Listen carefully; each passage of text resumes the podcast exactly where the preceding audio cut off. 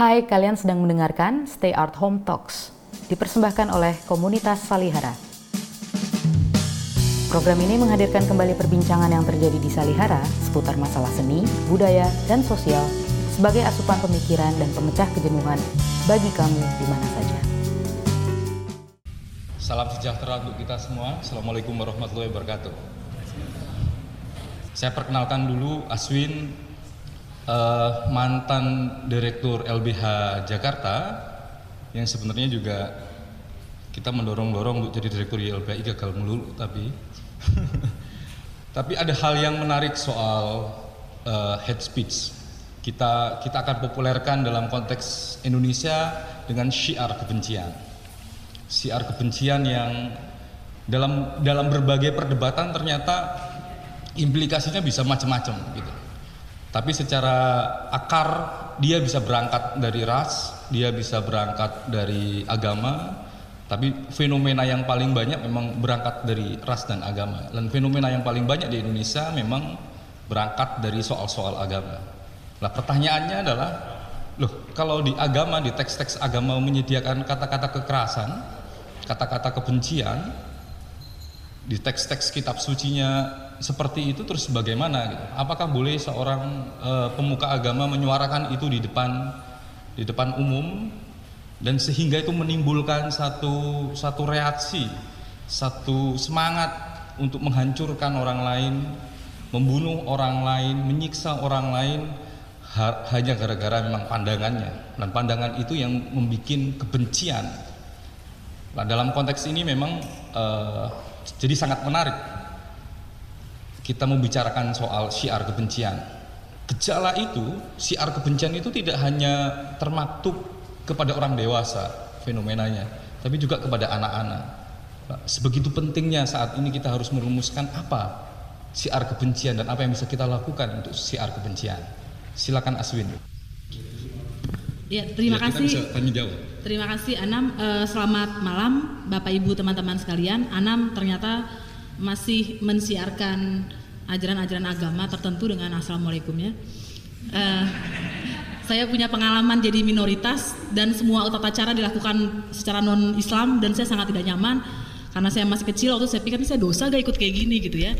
Dari doa makan sampai salamnya. Jadi saya sejak itu mencoba untuk tidak mengucapkan uh, syiar uh, agama tertentu sebagai ucapan salam.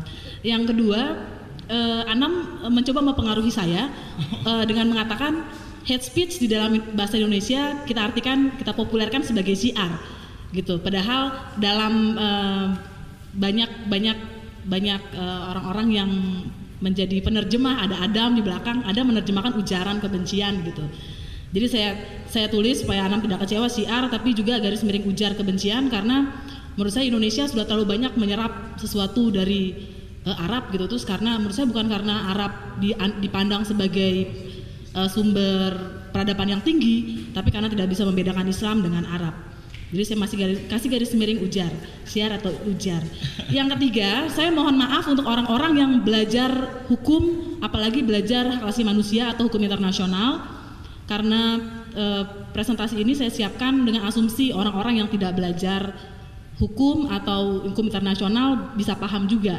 Jadi ada ada beberapa konsep yang mungkin sangat membosankan untuk orang-orang yang sudah mem, sudah mempelajarinya atau bahkan ahli di bidangnya dan saya tahu banyak di antara peserta ahli di bidang itu.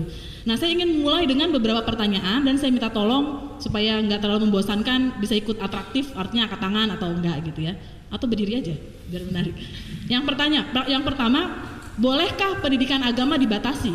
Yang merasa pendidikan agama boleh dibatasi, boleh tolong tunjuk tangan? Yang boleh yang mengatakan pendidikan agama boleh atau dapat dibatasi, boleh tunjuk tangan? minoritas di ruangan ini. Yang yang mengatakan tidak boleh dibat yang mengatakan pendidikan agama tidak bisa dibatasi. Bisa tolong tunjuk tangan. Oke dan sebagian besar yang nggak tunjuk tangan seperti biasa abstain. Oke ini, ini ini menarik. Yang berikutnya boleh tidak ceramah agama itu dibatasi nah Semoga nggak ada agamawan di sini yang biasa ceramah agama. Yang bilang boleh dibatasi boleh tunjuk tangan. Terima kasih Bapak Ibu. Yang tidak boleh, eh, yang tidak bisa, eh, ceramah agama yang tidak bisa dibatasi. Orang petunjuknya dari Tuhan kok dibatas-batasi.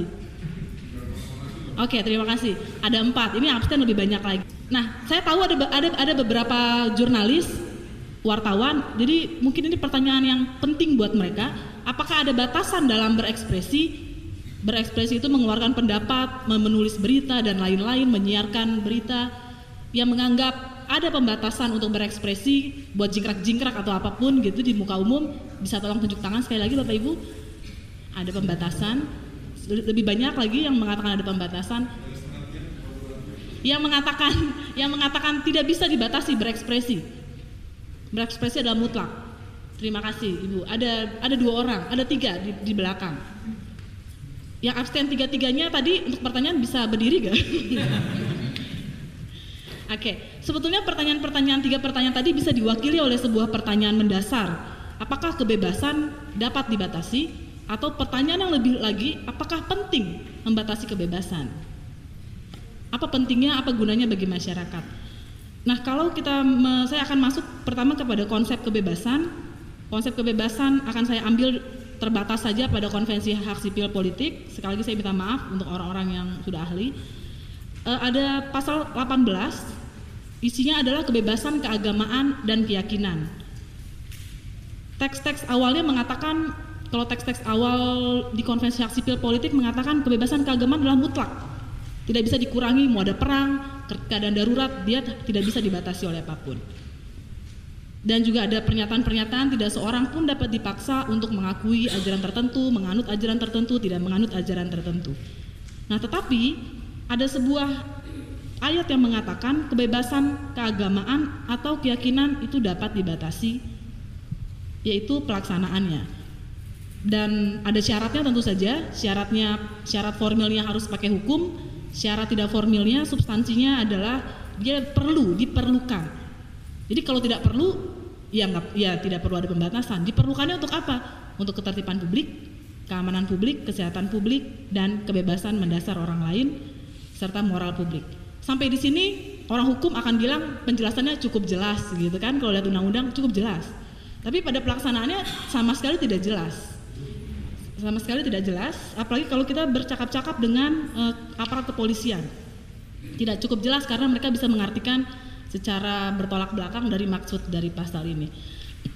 Saya uh, membuat beberapa ilustrasi yang agak ironis karena inilah mindset dari penegak hukum kita kalau kita analogikan e, cara berpikir cara berpikir aparat penegak hukum maka di tengah Indonesia yang miskin seperti ini ada orang kaya membeli mobil dia taruh di garasinya suatu malam eh, mobilnya dicuri bilanglah apa yang paling mahal mobil apa sekarang saya nggak tahu itulah yang paling mahal itu kemudian dilapor ke polisi polisi bilang anda ini telah memancing orang untuk mencuri mobil Anda. Udah tahu masyarakat miskin, kenapa mencuri mobil? Eh, kenapa membeli mobil mewah? Dan karena itu dia dipidana karena membeli mobil mewah. Meresahkan masyarakat. Meresahkan masyarakat. Apalagi kalau dia parkir di depan pintu pagarnya bukan di dalam kan kadang-kadang orang kalau kalau datang mobil itu nggak langsung masuk garasi. Dia taruh di depannya. Anda ini kurang ajar. Mengganggu ketertiban umum meresahkan publik. Karena sudah tahu warga sekitarnya kampung kenapa anda beli mobil Jaguar? Taruh di depan lagi. Gitu. Ya itu itu kira-kira uh, uh, pola pikir dari aparat penegak hukum. Dan ada pola pikir yang lain bahwa kalau orang diserang diserang itu bisa karena dia lagi uh, demonstrasi atau misalnya dia lagi di rumah saja seperti dulu kasus Eden atau kasus sama dia maka orang yang diserang itu lah yang diamankan tanda kutip dibawa ke kantor polisi. Syukur kalau bisa balik ke rumahnya. Dalam banyak kasus tidak balik ke rumahnya tapi dijadikan tersangka. Nah saya pernah bilang sama Mabes Polri pola pikir seperti ini itu persis seperti ketika waktu itu kebetulan uh, George Bush mau datang ke Indonesia dan banyak sekali kritikan terhadap kebijakan dia yang katanya standar ganda, ada penjara Guantanamo dan lain-lain yang kita tahu semua. Terus polisi intelnya dengar nih Mabes Polri bahwa akan ada pengebom terhadap uh, George Bush. Nah karena ada yang mau bom, ada yang mau mengebom George Bush, maka pres- eh, Presiden Indonesia mengirim kawat tidak usah datang ke Indonesia karena ada yang mau ngebom. Bukan yang ngebom itu yang ditangkap atau dihalang-halangi. Nah itu yang sebetulnya terjadi di dalam rasionalitas pe- aparat penegak hukum. Yang berikutnya adalah sekarang kita akan masuk ke konsep HAM tentang ujaran kebencian. Saya me- me- oh, sorry ada satu lagi yaitu kebebasan berekspresi. Kebebasan berekspresi ada di pasal 19 Konvensi Hak Sipil Politik dan mirip bahwa secara formal harus lewat hukum artinya undang-undang dan dia melindungi keamanan nasional, ketertiban umum, kesehatan atau moral publik. Yang beda adalah isi menghormati hak atau nama baik orang lain. Saya ungkapkan ini karena kita sulit membicarakan tentang syiar kebencian, ujaran kebencian tanpa memahami tentang konsep kebebasannya sendiri. Nah, kemudian ada pasal 20 dalam konvensi Kovenan Hak Sipil Politik. Kita langsung saja masuk ke yang ayat 2-nya, segala tindakan tindakan itu mengajurkan kebencian, tapi cuma bukan bilang saya benci sama Anam, tapi tindakan kebencian itu atas dasar bangsa, ras atau agama, dan tindakan itu juga menghasut untuk melakukan sesuatu. Sesuatunya bisa berupa kekerasan, sesuatu itu bisa berupa diskriminasi, atau sesuatu itu bisa juga berupa permusuhan. Nah, ada teks yang lebih radikal lagi sebetulnya eh, di dalam radikal dalam arti lebih dalam pengaturannya lebih banyak dan lebih jelas pembatasannya ada di Ko- Konvensi Penghapusan Segala Bentuk Diskriminasi Rasial. Bahkan isinya salah satunya melarang pejabat-pejabat publik untuk mendukung atau melakukan hasutan diskriminasi rasial. Nah, eh, saya cantumkan ada beberapa pelaksanaan di beberapa negara. Eh, Teman-teman, ibu bapak bisa membaca itu sendiri. Intinya adalah ada banyak sekali varian di dunia ini tentang memandang ujaran yang bisa dibatasi. Bisa karena dia hanya menghina, bisa hanya bisa bisa karena sudah mengancam atau bisa juga sudah mengajak orang untuk melakukan kekerasan atau diskriminasi. Nah, Indonesia sendiri memasukkan unsur kelebihan lebih banyak. Kita mirip sama Belanda, memang karena asal muasal dari situ. Kita memasukkan unsur menghina. Unsur menghina ini tidak ada di dalam Kovenan Hak Sipil Politik dan penghinaan sudah kita ketahui bersama sangat mudah untuk ditafsirkan, sangat longgar juga tidak jelas apa yang dimaksud dengan menghina. Nah, kita akan langsung masuk sekarang kepada eh, ujaran kebencian. Pasalnya tadi sudah saya bacakan di pasal 20 ayat 2 Konven- Kovenan Hak Sipil Politik. Tapi ada berbagai macam isu krusial untuk melihat lebih dalam. Misalnya alat penyebarannya apa ya? Alat kejahatannya ini apa? Nah, nah tulisan-tulisan ini diposting dan siapa pun yang bisa pakai internet dan mampu bayar internet bisa lihat itu dan akan masuk ke dalam pikirannya dan itu akan menyebar dengan sangat cepat. Nah, jadi kita harus memikirkan juga bagaimana membatasi hal ini tapi tidak menghalangi kebebasan orang untuk meng- mengakses internet misalnya. Nah, setelah saya baca teks pasal 20, maka yang dilarang adalah segala tindakan dan saya menganggap teks itu bukan tindakan kecuali ada orang yang memasukkan teks-teks-teks dia tindakan, dia mengambil, mengambil, dia tuliskan, dia perjualbelikan, dia sebarkan, maka itu adalah sebuah tindakan.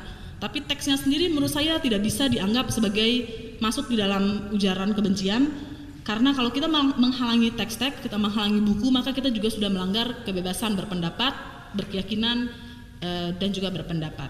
Di sini tegangan-tegangan kebebasan dan eh, hate speech itu mulai muncul.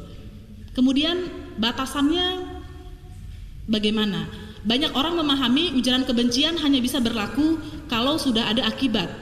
Setahu saya beberapa negara yang saya tahu, kalau saya tidak salah Amerika seperti itu. Kalau ada akibatnya maka baru dia bisa dipidana. Nah teks ini tidak mengatakan akibat ataupun eh, mengakibatkan. Hanya kalau tindakan itu sudah terjadi, segala tindakan yang terjadi tidak perlu ada akibat maka bisa dilarang karena itu menurut saya tidak penting untuk melihat akibat-akibat dari sebuah ujaran kebencian. Yang ketiga, biasanya kalau penyebaran di dalam teks-teks eh, KUHP dan KUHP kita memasukkan tentang di barang siapa di muka umum. Jadi pasti ada di muka umum. Artinya kalau di rumah sendiri nggak di muka umum eh, tidak apa-apa. Nah, apakah penting untuk ujaran kebencian ini mendefinisikan, membicarakan tentang batas-batas publik atau ruang privat? Menurut saya titik tekan pasal ini bukan pada ruang publik tapi tindakan penganjurannya dan di dalam tindakan penganjuran itu sendiri sudah inherent terkandung kepublikannya. Publiknya bukan berupa ruang bukan berupa tempat tapi tindakannya sendiri. Tidak mungkin kita menganjurkan kepada diri kita sendiri. Itu namanya mensugesti mungkin.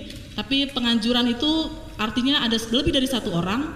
Dan kalau kita membatasi publik terjebak di dalam ruang di dalam tempat maka kita akan luput melihat tindakan-tindakan menghasut yang ada di ruang-ruang tersembunyi.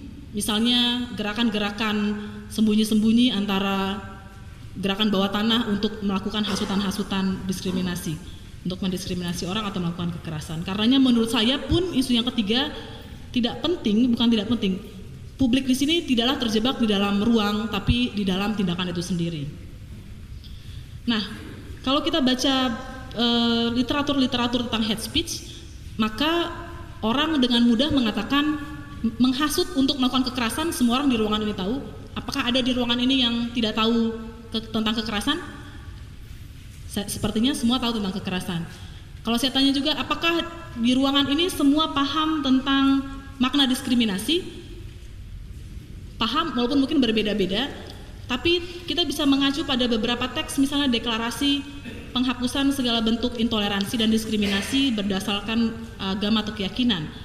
Di situ dikatakan diskriminasi bisa berupa pembedaan, kita membedakan orang, terus kita mengucualikan orang, tidak memasukkan orang, atau kita melarang orang, atau kita mengutamakan orang. Jadi saya anak emaskan seseorang dibandingkan orang yang lain atau kelompok yang lain. Nah, tapi bagaimana dengan permusuhan? Nah, saya ingin mengetes apakah betul permusuhan ini susah untuk didefinisikan dengan mungkin bertanya kepada Pak Mubarik. Pak Mubarik, menurut Bapak permusuhan itu apa ya? Iya. menurut Pak Mubarik, apa apa apa sih yang disebut permusuhan itu? Permusuhan sebetulnya sih timbul dari kesalahpahaman. Tadinya saling mencinta mungkin ya. Terus kemudian karena salah paham, tidak tahu, atau mungkin ada keinginan untuk menguasai sehingga timbullah terjadi permusuhan. Jadi tidak ada secara kalau bahasa agamanya mungkin Pak Anam tahu ya, secara apa namanya? fitrat tidak ada permusuhan sebetulnya. Jadi kalau seperti kejahatan pertama manusia konon katanya terjadi antara Habil dan apa? Habil dan Habil. Hah? Anaknya Adam itu loh. Berarti permusuhan itu akan diakhiri dengan pembunuhan. Awalnya kan mereka saling mencinta. Oke, okay, tapi saudara. Bisa. Terus timbul kecemburuan, iri hati dan ketidaksenangan. Sehingga timbullah permusuhan. Dan permusuhan yang tidak dibatasi, tidak ditengahi oleh orang yang kuat, tentu akan terjadi yang kuat melawan yang lemah. Pak Mubarik sudah menambahkan penjelasan dari uh, pasal 20 ayat 2 Konvenan Hak Sipil Politik secara panjang sekali. Terima kasih. Saya mau minta satu orang lagi yang uh, menjadi sukarelawan untuk mengartikan permusuhan itu apa sih? Saya nggak tahu definisinya. Saya bisa merasakan tapi tidak bisa mendefinisikan. Rasanya tuh bagaimana, Mas? Kalau permusuhan tuh rasanya? Kalau ada rasa tidak terima atau apa uh, ingin menyerang, saling ya, saling menyerang itu secara teks saya tidak. Iya, saya juga merasakan hal yang sama dan saya baca di literatur juga terdapat hal yang sama. Sulit bagaimana mengartikan uh, permusuhan. Um, karena kalau kita salah mengartikan permusuhan, yang terjadi adalah bukan melindungi masyarakat dari ujaran kebencian, tapi kita melanggar kebebasan berekspresi atau berpendapat. Nah, saya kemudian mencoba membaca beberapa putusan, ada putusan untuk kasus Rwanda. Uh, di situ ada beberapa ada beberapa jurnalis, ada pendiri stasiun radio, ada uh, apa namanya jurnalis surat kabar yang sangat berpengaruh dan terkena putusan tapi sayangnya untuk genosida. Sayangnya artinya maksud saya genosida kan sangat keras, perbuatan yang sangat keras dan sehingga kadangkala menjadi sangat jelas walaupun tidak mudah untuk membuktikannya.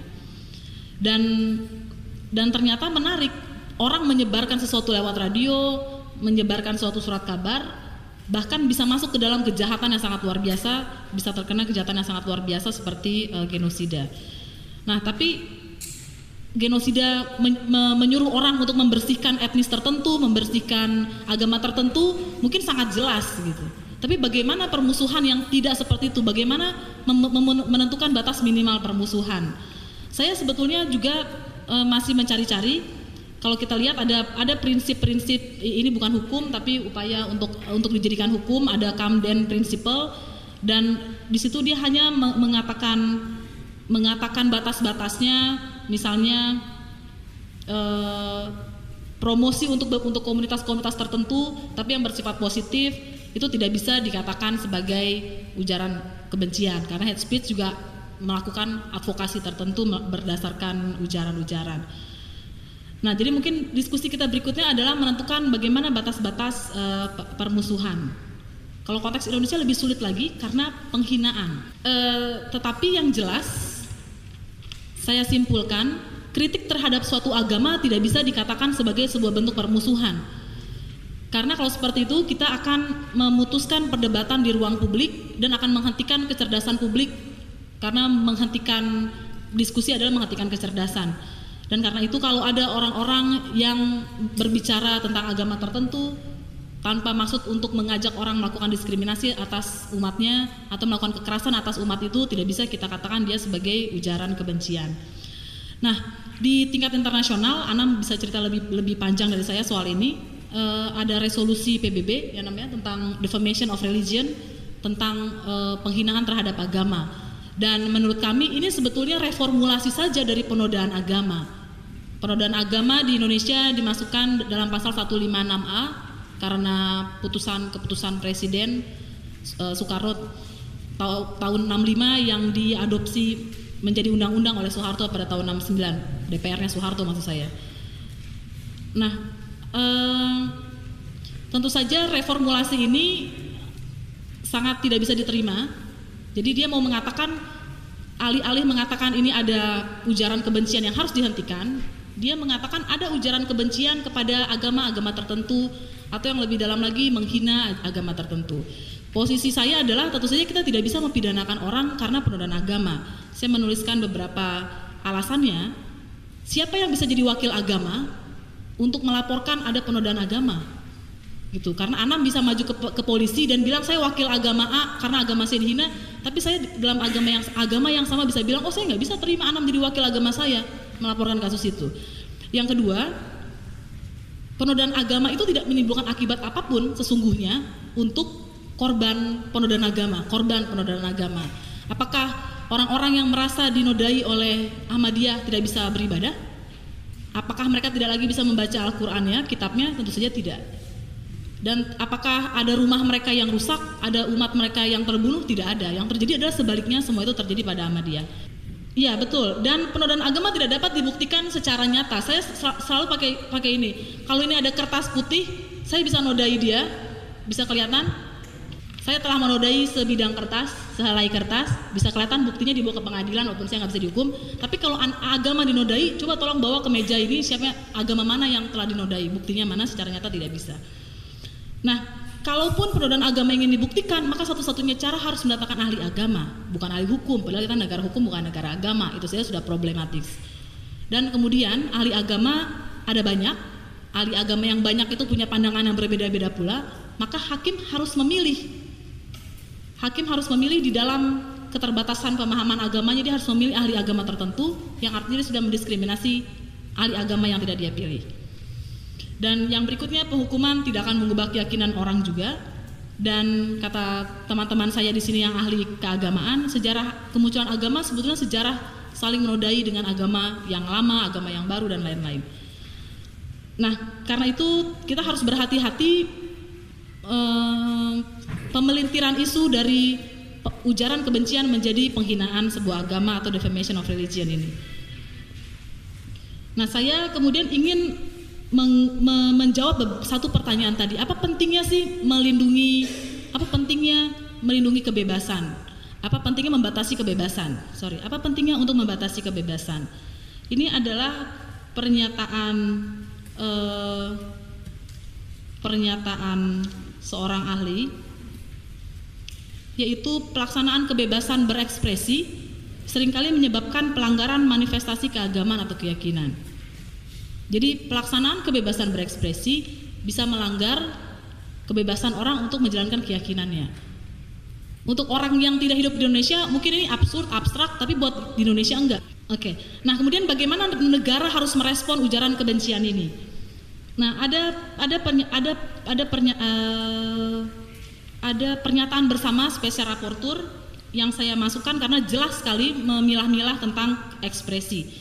Menurut mereka ekspresi ini adalah ada yang berisi kejahatan berarti hukum internasional, ada ekspresi yang tidak masuk dalam hukum pidana tetapi dapat digugat secara perdata, tapi ada juga ekspresi yang tidak masuk dalam ranah hukum pidana atau sanksi perdata, tapi dapat menimbulkan isu toleransi. Tentu saja kalau kita lihat maka cukup jelas bahwa hate speech adalah sesuatu yang harusnya diatur berdasarkan hukum pidana. Ada komentar, ada tafsir khusus gitu. Kalau di agama punya tafsir, eh, Hak Sipil Politik juga punya tafsir General Komen 11 yang mengatakan eh, harus ada kebijakan di suatu sebuah negara harus ada regulasi bahwa hate speech itu bertentangan dengan kebijakan publik dan harus ada sanksi yang sesuai kalau itu dilanggar. Nah, yang terakhir saya mau mengatakan bahwa sering kali eh, saya atau kami berdua orang-orang hukum itu berpikir sangat sempit dan segala masalah harus diselesaikan dengan hukum. Tapi saya sudah insaf gitu, mencoba insaf walaupun sering masih kayak gitu.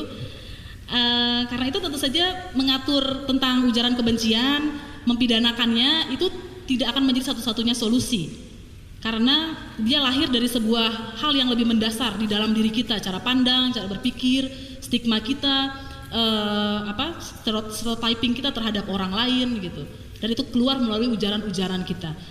Nah karena itu pendekatannya tentu saja tidak hanya hukum tapi sosial budaya dan pendidikan. Agar kita bisa mengurangi kecurigaan. Dan dan sebetulnya ada dan ketika kita membuka iklim kebebasan, orang dibiarkan berbicara seperti ini tanpa harus diteriaki, uh, tanpa ada tekanan-tekanan bisa berdialog dengan tenang, maka di situlah iklim keterbukaan akan terjadi dan kita akan makin terbiasa dengan pikiran-pikiran orang. Harapannya kita akan terbiasa dengan perbedaan dan kemudian melihat oh ternyata bukan perbedaan yang ada persamaan-persamaan dan kita bisa mengurangi ujaran-ujaran kebencian karena apa yang ada di pikiran dan hati kita dengan mencurigai orang lain. Jadi sebetulnya pembatasan berekspresi tidak hanya bisa dilakukan oleh hukum, tapi justru dengan kebebasan berekspresi itu sendiri. Jadi saya, saya terima kasih. Terima kasih. Aplaus